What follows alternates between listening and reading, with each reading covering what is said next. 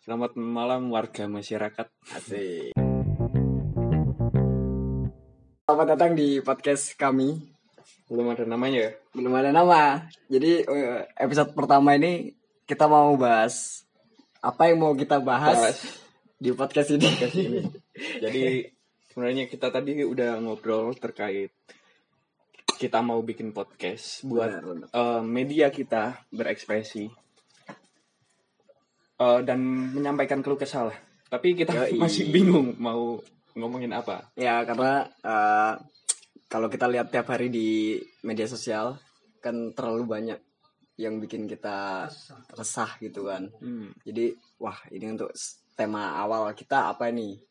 Jadi masih bingung juga kita. Jadi akhirnya kita resah akan keresahan kita. Nah, Jadi kita masih belum menemukan jawaban. Jadi keresahan it- kita itu sebenarnya apa? hmm, Dan mungkin untuk pembuka kali ini kita bisa eh, interaktif lah ya.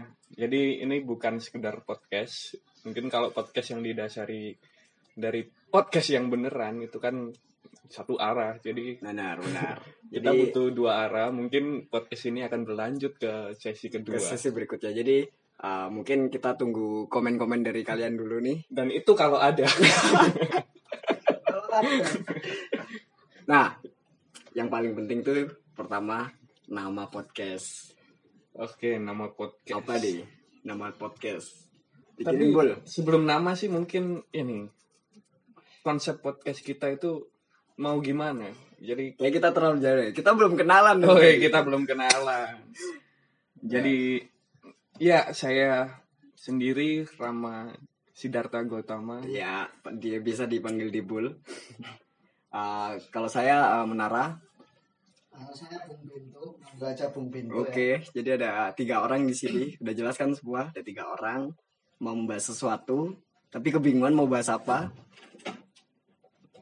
Jadi ya Oke, thank you Ben- Bung ya. Yo, Selamat datang Bung Bento. selamat datang, selamat oh, datang. jadi Terima Bung. Bintu ini bintang tamu kita kali ini untuk yang pertama. Bener bener. Jadi bener. karena kita tadi sebenarnya ngobrol cuma berdua antara saya dan Menara. Tapi kemudian kita kebingungan dan lewat Bung ini di depan rumah, Nah, kita panggil ya. iya kita panggil. Panggil ya buat ngisi-ngisi lah biar nggak sepi gitu. Biar ya otak kita yang kosong bisa terisi sama Bung Ya, Bintu. padahal ya, otak dia juga Iya, sebenarnya lebih kosong. bento. Lebih bento. Sebenarnya kalian ini mau bahas apa sih? Ya, ini Bung. Jadi begini, Bung. Gimana, gimana? Tolong jelasin ke saya ini sebagai Bung Bintu. Ya, jadi kami memiliki banyak perspektif tentang banyak masalah yang akhir-akhir ini sedang terjadi. Cuman uh, masih belum bisa memfokuskan mana nih yang mau kita bahas, mana ini yang.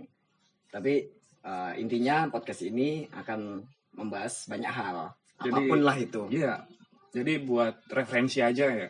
Ini kita kepikiran bahwa eh, mungkin kita nanti bahas tentang kebodohan-kebodohan tren yang sedang berlangsung, mungkin tren-tren yang boleh. singkat, Oh, yang bener-bener itu hanya terjadi sesaat aja gitu. Jadi saat ya ada istilah itu yang dikatakan sama Om Deddy Deddy itu oh, Bung Deddy. eh, bahwa orang yang terkenal dengan sangat cepat akan redup dengan cepat. Nah, Nah, di sini kita menyoroti bagaimana populisme itu yang terjadi. nah benar sekali. Jadi di era sekarang kita sering kali disuguhi hal yang seperti itu ya. Hmm. Jadi sesuatu yang populer dengan cepat, terus dia menghilang, terus berganti dengan yang lain lagi, cepat lagi, hilang lagi, seperti itu. Jadi eh, era-era percepatan ini emang kayak tiap hari kita disuguhi sesuatu yang baru, baru, baru, baru, baru dan ya ini juga jadi keresahan juga ya. Iya, iya. Jadi intinya kita ini gibah ya. Gibah, Gibah. bener banget. Gibah masyarakat. Wow, menarik ini, menarik, menarik. Nah, ini ada fakta menarik nih. Menurut Harari di Sapien, Hmm. ya, kemampuan berbahasa manusia itu muncul karena keinginan untuk menggibah, untuk bergosip. Jadi bukan sebaliknya. Jadi keinginan ah apa bergosip, bergosip itu naluri, Naluri. naluri. Benar sekali itu.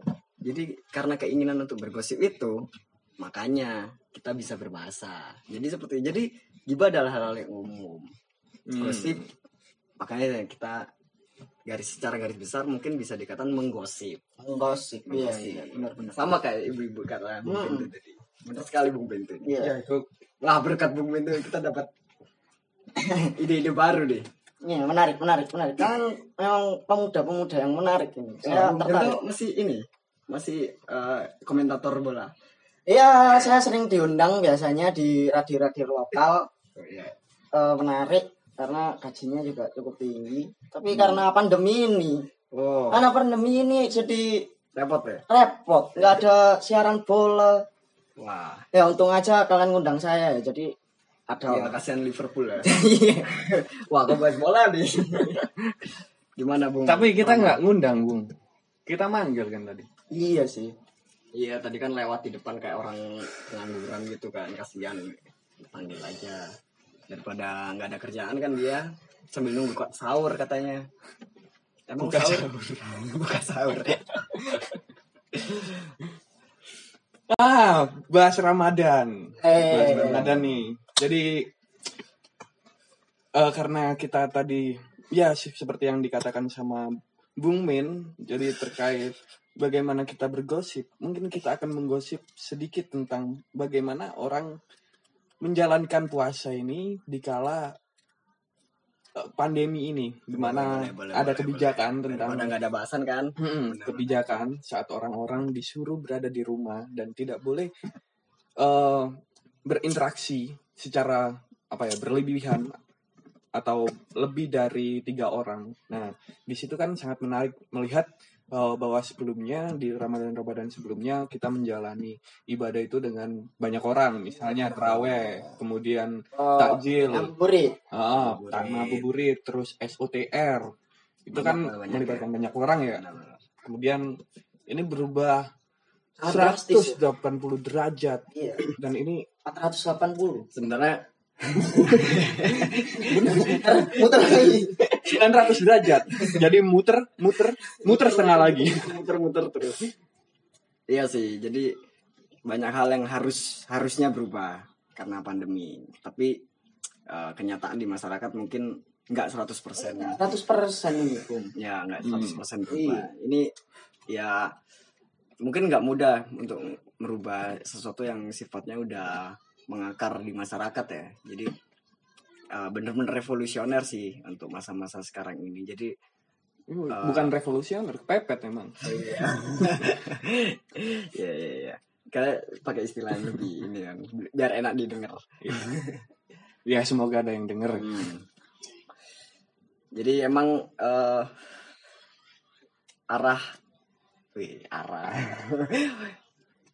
apa tadi arah Arah laju peradaban Nah, biar betul, sedikit Hindia kita. jadi Sampai peradaban sampai ke bas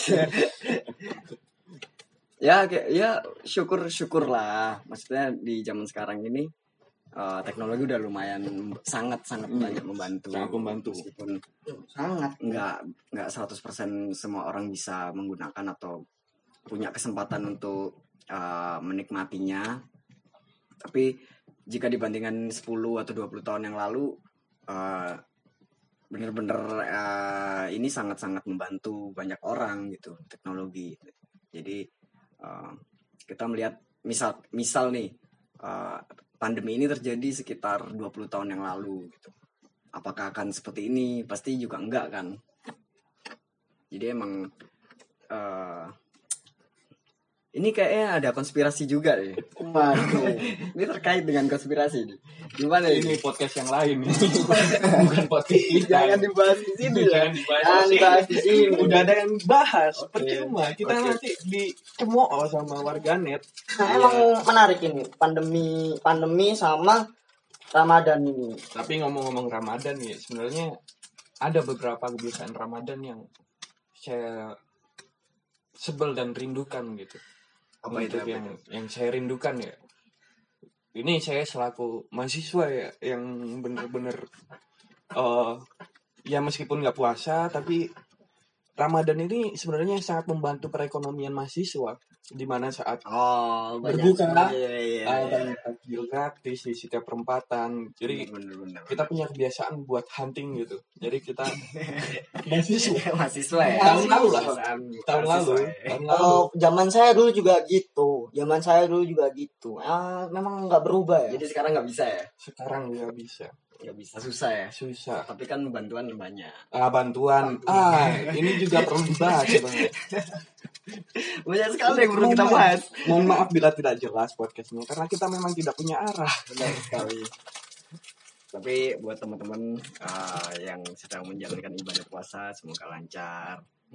Lancar ibadahnya, lancar Hmm. perekonomiannya di tengah pandemi ini. Karena banyak loh uh, ternyata ekonomi yang nggak berjalan pas uh, waktu-waktu ini. Iya, cicilan saya aja udah dua bulan tidak dibayar. Eh, menurut saya ini pandemi ini tuh memodernkan manusia. Iya, Apalagi akhirnya- di tengah Ramadan Nah, ini. itu Nah, yang tadi mau saya bahas. yang menarik ini adalah sekarang eh, ada beberapa wilayah yang mereka menjalankan patrol itu menggunakan sound, Bung. Oh, gitu ya. Iya.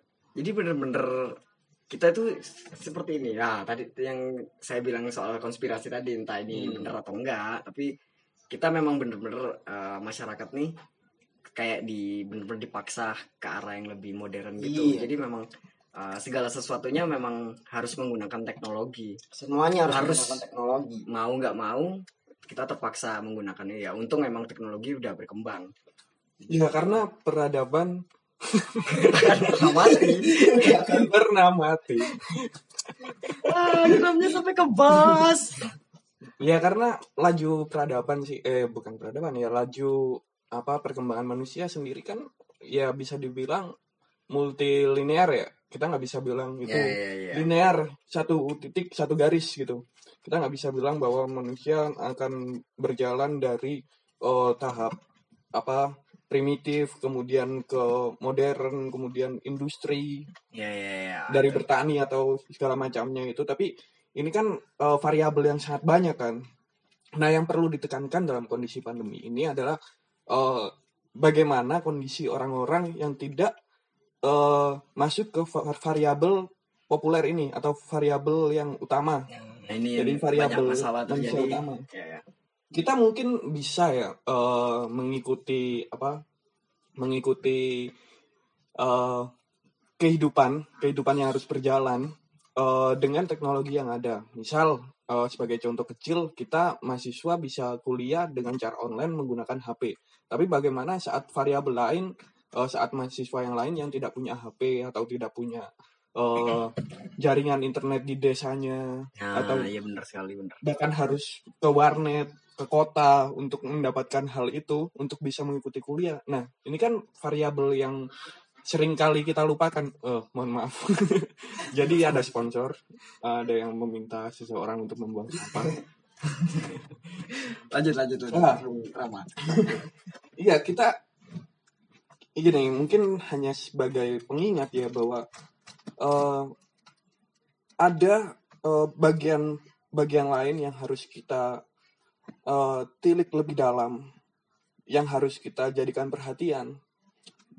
Misal ya di saat ini kebijakan mungkin hanya melihat orang-orang kelas menengah, Ya, yang Nah. notabene bisa menikmati teknologi itu bisa bisa menikmati teknologi. Ya, Tapi bagaimana dengan orang-orang yang tidak bisa menikma- menikmati teknologi ini? Nah, WFH sendiri kan untuk orang-orang yang sudah memiliki teknologi yang memadai. ya benar benar.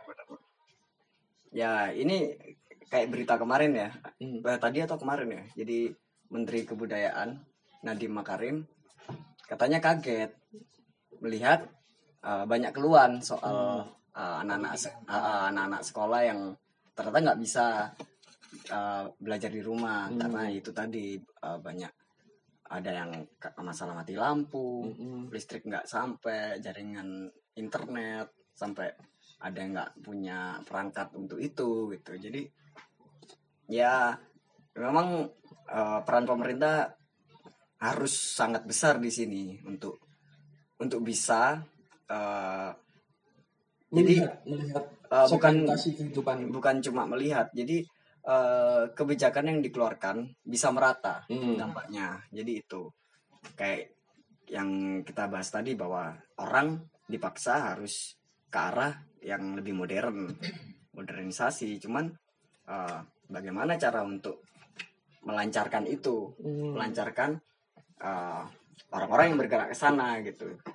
Karena sejauh ini yang kita lihat un- untuk berjalan ke arah sana kita masih terpincang-pincang karena itu tadi eh, tidak tidak adanya pemerataan. Tapi melihat ini ya, Bung Bento nih eh, sebagai pengamat geopolitik Indonesia dan mungkin secara umum pengamat geopolitik Asia Tenggara ya. Iya, iya, iya. Wah ini sangat berat sekali ya. Iya. Jadi Bung Bento ini eh, lulusan dari universitas ternama ya, Bung? Ya. Boleh disebut Ya, ya? boleh. Eh, jangan, jangan, jangan. Nanti Menyebabkan bakal iya, bakal ya? Enggak sebut aja biar mikir dia. Sebut-sebut. hanya nanti bisa menimbulkan fitnah yang berlebihan. Oh, ya udah. Jadi mungkin kita saya sih mau mengajukan pertanyaan aja. Oh iya, iya. silakan, Jadi- silakan, silakan, silakan. Karena ini ya kondisi Indonesia kan multikultur dan pluralismenya sangat tinggi gitu. Nah, di sini apakah ini bisa menjadi alasan bahwa eh, pemerintah kita melakukan kebijakan menjadi apa ya tidak tegas gitu, mincra-mincri seperti yang banyak dibilang di media-media bahwa presidennya kurang tegas lah atau eh, dari kebijakan yang sebelumnya Berpindah kebijakan lain. berganti Berganti, kebijakan iya, iya. seperti ini contohnya contohnya yang waktu itu ada eh, presiden ini bukan kebijakan ya tapi presiden udah ngomong bahwa nelayan kemudian eh, gojek atau ojek online yang sedang melakukan kredit kendaraan bermotor ataupun perahu bisa dibebaskan untuk Ya. selama satu tahun tapi kemudian hal itu berganti bro dan itu kontradiktif sekali. Nah, apakah ini berkaitan dengan kondisi eh, masyarakat Indonesia yang sangat beragam itu? Eh, s- kalau menurut saya sebenarnya hal itu nggak terpengaruh. Hmm, Hmm. nggak terpengaruh. Oh enggak enggak. Enggak. Enggak. Karena begini. eh kenapa akhirnya banyak kebijakan yang enggak sampai terus enggak Kami menceli dan sebagainya karena pemerintah nggak percaya akan eh pemerintahan di bawahnya Oh, jadi yang di bawahnya nah seperti contoh aja kayak otonomi berarti enggak Ya, berguna gitu ya? Iya, otonomi kayak nggak berguna. Pemerintah nggak mempercayakan kepada eh, pemerintahan yang lebih kecil. Contoh aja kayak kita nyambung lagi ke kasus pandemi ini. Iya, ya memang ini Ya, memang kita membahas pandemi, Bung. Contoh eh, kita bahas masalah karantina wilayah. Oh iya iya benar. Pemerintah tidak eh, mempercayakan 100% itu kepada wilayah-wilayah yang berdiri sendiri. Iya, Pemda lah. Pemda, istilahnya Pemda. Mereka semua terpusat sama pemerintah. Pemerintah eh, Pemda ini harus mem- memiliki izin dari pemerintah pusat untuk bisa melakukan menerapkan PSBB atau karantina wilayah. Bahkan ketika Pemda ingin mengajukan lockdown, mereka tidak boleh, Bung melarang melarang nah inilah yang menjadi krisis di sini bung krisis kepercayaan ini sangat sangat fundamental sekali. Ini sangat berdampak besar pada sistem kebijakan yang nantinya bakal turun ke masyarakat. Tapi ngomong-ngomong masalah krisis kepercayaan, ya secara demografis nih kita bisa lihat eh, kepercayaan masyarakat kepada eh, pemerintahan yang sekarang itu bisa dibagi dua. Ada polarisasi. Iya, polarisasi. Ah, iya, iya, Ya iya. kita tahu cebong kampret atau simpan yang lain-lain. Iya iya iya. Nah, di sini ya kita tahu dan pemerintah saya rasa juga tahu bahwa em, masyarakat ini terpolarisasi. Nah, dengan ketahuan pengetahuan dari eh, pemerintah itu, apakah akhirnya menyebabkan dia tidak tegas seperti itu sih Oh. mungkin poinnya bukan Ini menarik. Ini menarik. Karena hal seperti ini tan- eh, tanpa kita sadari ini sangat mempengaruhi eh, pola kerja dari masyarakat itu sendiri sama hasil dari kebijakan itu sendiri. gimana gimana itu gimana Menarik karena eh, mungkin ada beberapa orang yang nggak mau menerima eh, kebijakan dari salah satu pihak yang memimpin karena dia sudah memihak tapi kan pemimpin yang terpilih. Eh, namanya kebijakan ya. Kebijakan kebijakan yang keluar dari eh, pemerintah. Terutama bagaimanapun se setidak sukanya kita dengan pemerintah atau se itu kan nggak bisa ditolerir nggak bisa ditoleransi gitu. Karena itu sifatnya kebijakan. Udah masuk ke misal jadi undang-undang atau Hmm, benar. perintah presiden atau apa pun lah itu. Jadi eh, yang kita dapati sampai detik ini kan eh, kebijakan itu belum ada yang bener-bener kebijakan bentuknya. Jadi apa yang diterapkan apa yang harus diberlakukan dengan tegas itu kan simpang siur. Misal PSBB gitu. PSBB sampai akhirnya eh, pemerintah pusat memutuskan untuk oke lah kita melakukan PSBB tapi eh, dalam waktu yang nggak nggak serentak atau ada beberapa tempat yang serentak Jadi seperti itu sampai akhirnya eh, menurunkan banyak aparat untuk melakukan itu gitu. Menurut saya itu itu kebijakan meskipun itu belum belum efisien. Nah itulah itu itu itu, itu bentuk dari kebijakan nah yang terjadi sebelum sebelumnya kan bukan seperti itu jadi menurut saya cuma sekedar himbauan himbauan himbauan gitu Ah. nah kalaupun untuk kebijakan yang sekarang kenapa belum efisien Eh, karena eh, begini pemerintah seperti kurang ya itu tadi balik lagi pemerintah kurang melihat bagaimana pola masyarakat Indonesia secara keseluruhan Hmm. jadi benar sekali kalau mereka kalau eh, akhirnya cuma melihat di satu misal bila, bila kita bicara soal kelas pemerintah cuma melihat orang-orang di kelas menengah dan itu di Jakarta Nah, dan itu di Jakarta. Jadi selain kelas juga wilayah. Wilayah cuma dilihat Jakarta. Padahal Indonesia nggak sesempit itu kan. Kalau kita bicara soal uh, wilayah negara. Ya, kalau saya melihat ini pemerintah sedang panik. Sedang panik. Karena kenapa? Ketika eh, situasi yang katakanlah ini situasi yang genting ya, darurat. Karena kita mengalami musibah. Hmm. Hmm, jadi eh, pemerintah panik. Nah, kenapa akhirnya mereka tidak eh, memberikan kepercayaan penuh kepada daerah?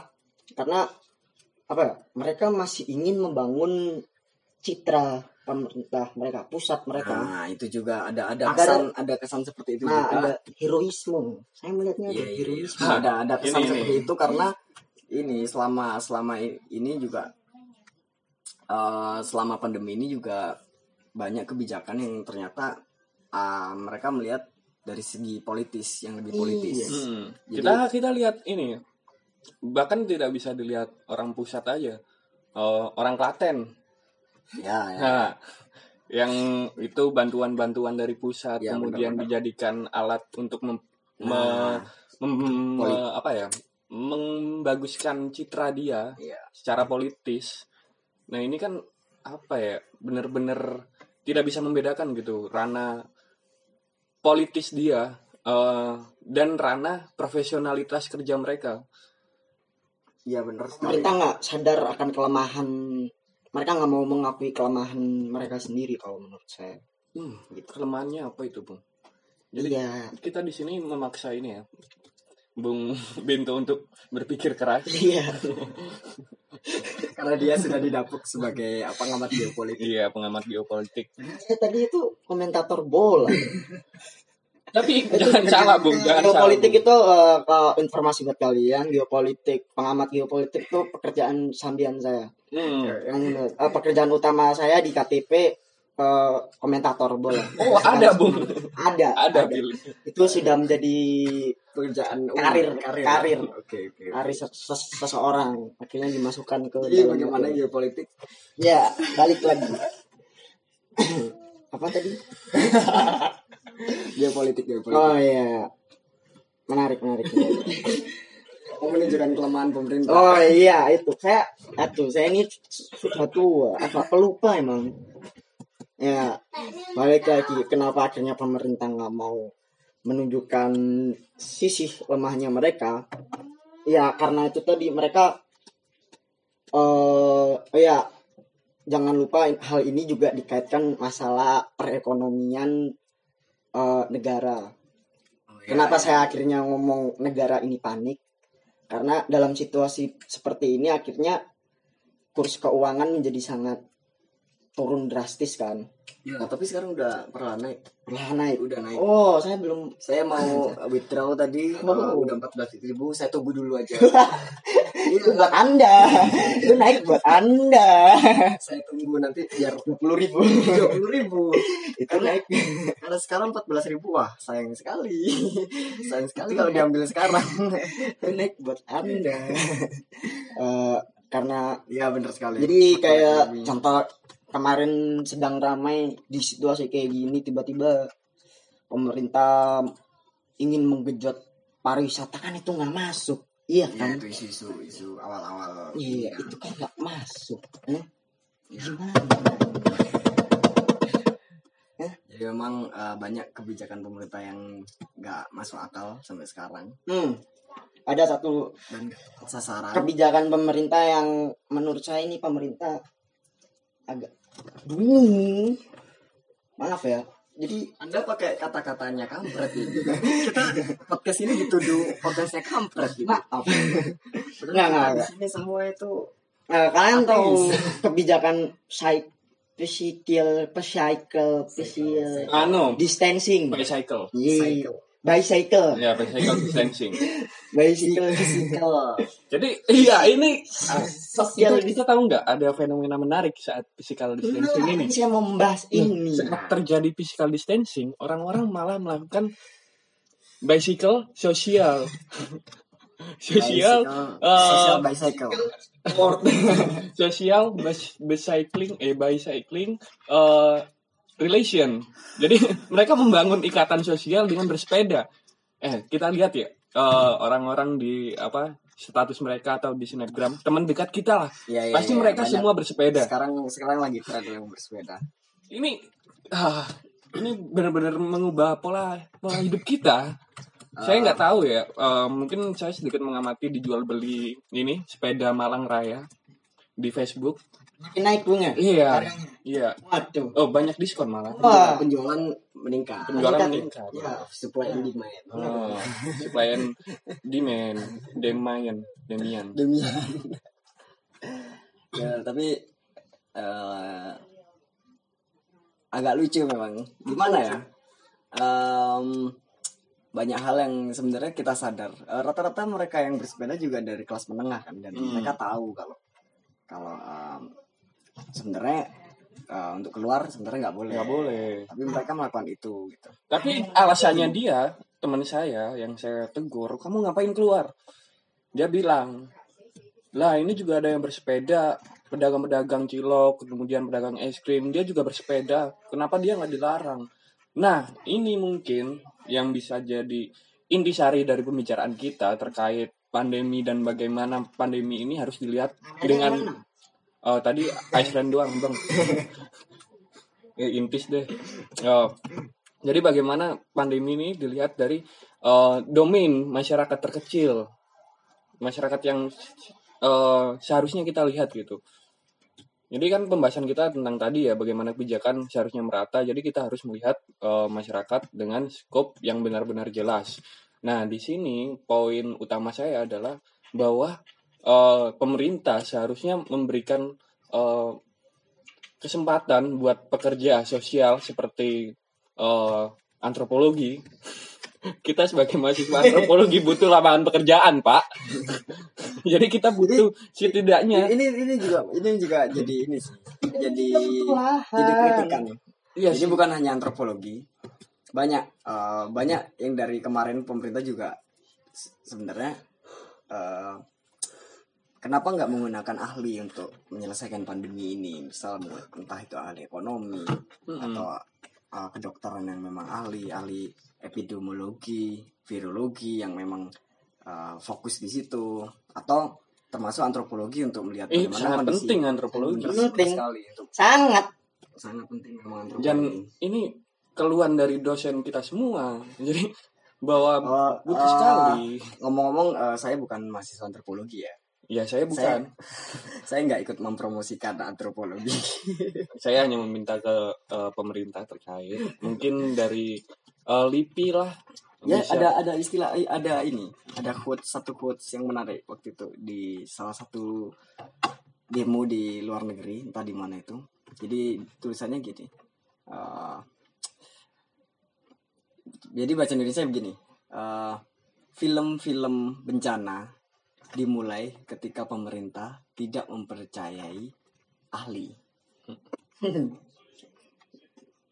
Jadi yang terjadi sekarang itu seperti ini. Kita nggak pernah melihat ahli-ahli itu uh, bicara secara resmi gitu. Iya, benar benar. Ditunjuk pemerintah atau apa gitu. Nggak pernah kan. Kita cuma lihat teori-teori itu keluar di media sosial. Yang akhirnya jadi bahan-bahan perdebatan. Akhirnya jadi uh, banyak sekali uh, dialektis eh, dialektika di media sosial karena ahli-ahli ini nggak punya tempat dan terutama Bung Alih Sadikin. ahli sekali Itu udah lama hilang dari peradaban ya begitulah Tapi ini eh, balik lagi ke masalah Balik lagi nggak selesai-selesai podcast kita. jangan balik kan terus aja terus A- a- ada yang menarik, ada yang menarik. Eh, Ditarik. Kembali karena ditarik. di kala pandemi ini kan kita harus menjaga jarak dan lain sebagainya nggak boleh keluar nah tiba-tiba di kota Malang ada kegiatan pos ronda oh iya Nah. berkaitan dengan isu keamanan juga ya. nah ini yang menarik karena karena kemarin ada kebijakan dari pemerintah yang membebaskan napi narapidana sehingga di masyarakat eh, resah. Hmm. karena masa resah karena ternyata ada beberapa kasus juga eh, maling begal kayak kemarin gitu. saya sempat menulis itu jadi eh, di gimana, Bu? gimana bu?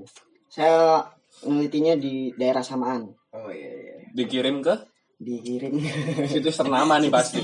Nah, eBay. Nggak boleh disebut buat kepentingan ini ya. Iya, yang jelas Gmail. Yang jelas eh, Gmail. Curiga nih jangan-jangan pemerintah ada intelijen Eh, saya sempat menulis itu eh, jadi di samaan ini ada udah terjadi tiga kasus bung. Mungkin jangan samaan. Eh, apa ya? Lowaru. oh aru eh. Kota Malang. Kota Malang.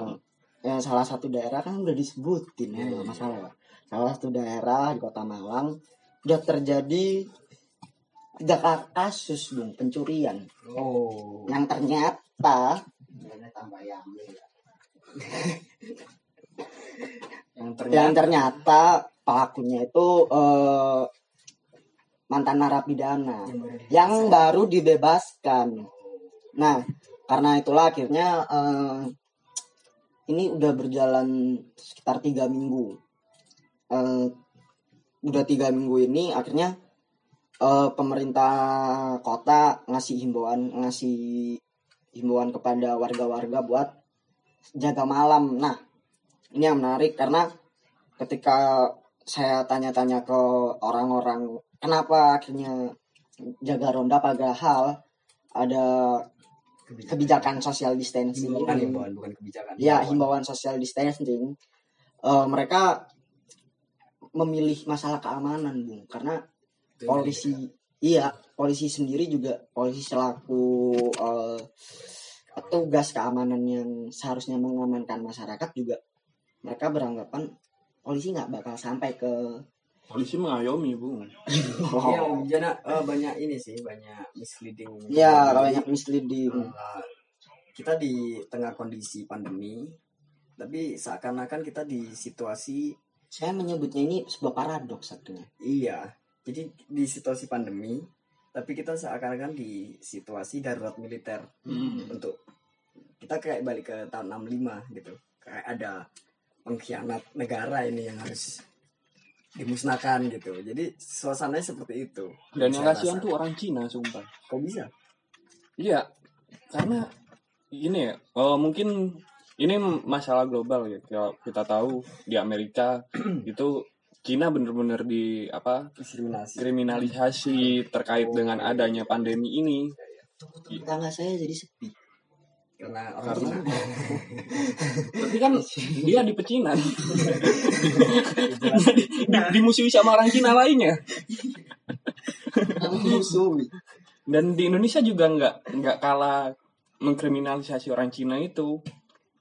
Ya mungkin dengan ini ya eh penggiringan penggiringan kalau kita lihat penggiringan banyak sekali bahwa eh, entah ini benar atau tidak terkait adanya TKA yang masuk TKA Cina oh iya, TKA iya, yang iya. masuk kemudian nantinya yang saya takutkan ini bisa menjalar ke eh, etnis Cina Tionghoa yang ada di Indonesia Hmm. Nah, ini kan apa ya? Kalau kita boleh menerka-nerka atau mengimajinasikan, ya nanti kalau seumpama ini bakal menjadi buruk lagi, ya kita akan kembali ke masa-masa 98 di mana orang Cina itu benar-benar dikriminalisasi dengan brutal. Oh. Iya. tapi eh, kalau saya sih nggak nggak ada kekhawatiran ke arah sana ya jadi eh, situasinya udah berubah udah berbeda jauh dari 98 banyak banyak sekali eh, yang bicara itu di media sosial di Twitter. Jadi banyak yang menyampaikan bahwa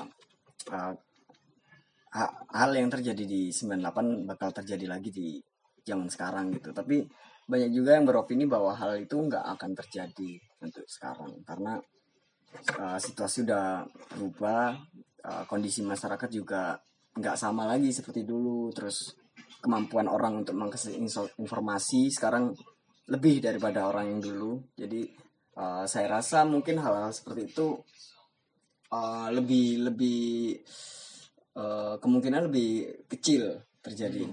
Ya semoga sih. Saya takut takut kan malah harga di toko-toko orang Cina tuh malah naik. itu. Mereka merasa terdiskriminasi, mereka mendiskriminasi kita balik. Ah, enggak lah. Malah seperti itu. Mereka malah di ini malah dicengin. Mereka malah memurahkan.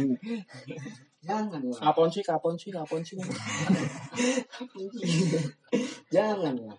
Tapi ngomong-ngomong terkait tadi peningkatan jumlah eh, tingkat kejahatan atau kriminal di Malang ya? Di Samaan ya tadi. terutama kita yang tinggal di Malang. Di samaan tadi. Eh, kalau saya lihat sih sebenarnya tidak juga.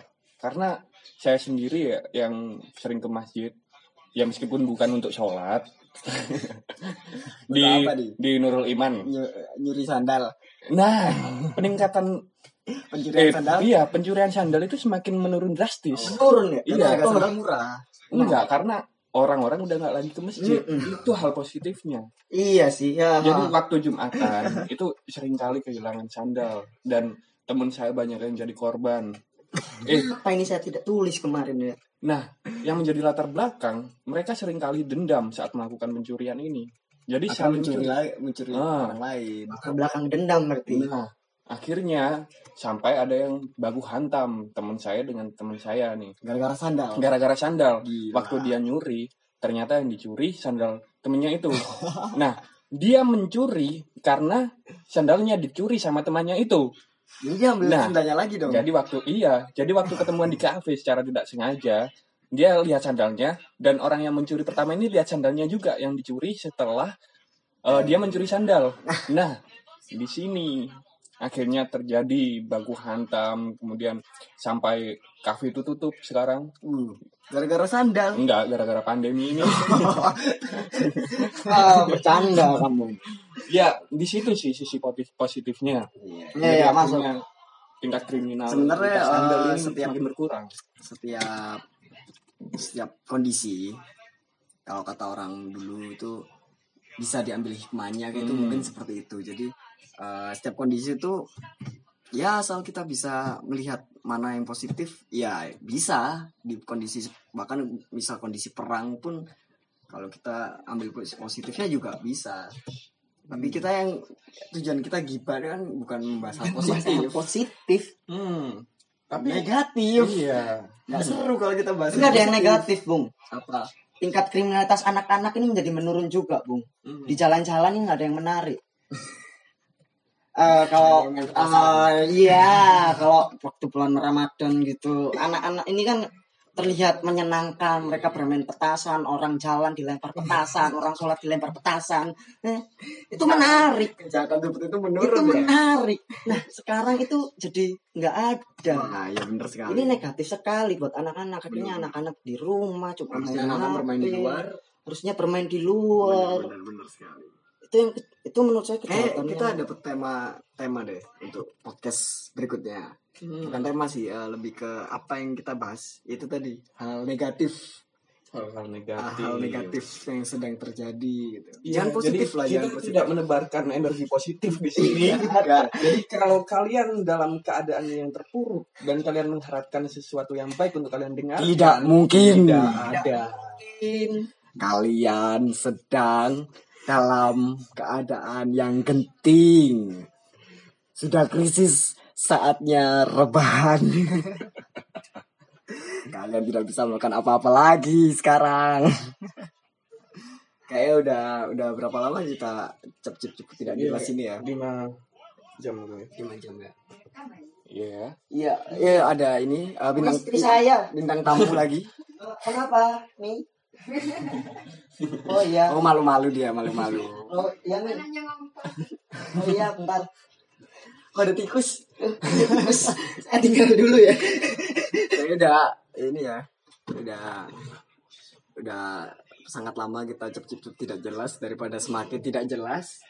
Tolong untuk nanti undang saya lagi ya? Iya. oh siap. Sepertinya soalnya eh, soalnya saya nanti nanti kalau jam setiap jam 10 lewat aja depan rumah nanti saya panggil. Oh oke oke daripada siap nggak ada kerjaan kan pengangguran kan sekarang. Iya, ya ya udah. Gimana Bung Rama? Ya mungkin itu ya pesan-pesan terakhirnya. Jadi jadi pesan-pesan terakhir. Jadi- wasiatnya apa? Ya di sini kalian jangan mengharapkan kalian bisa memperbaiki diri.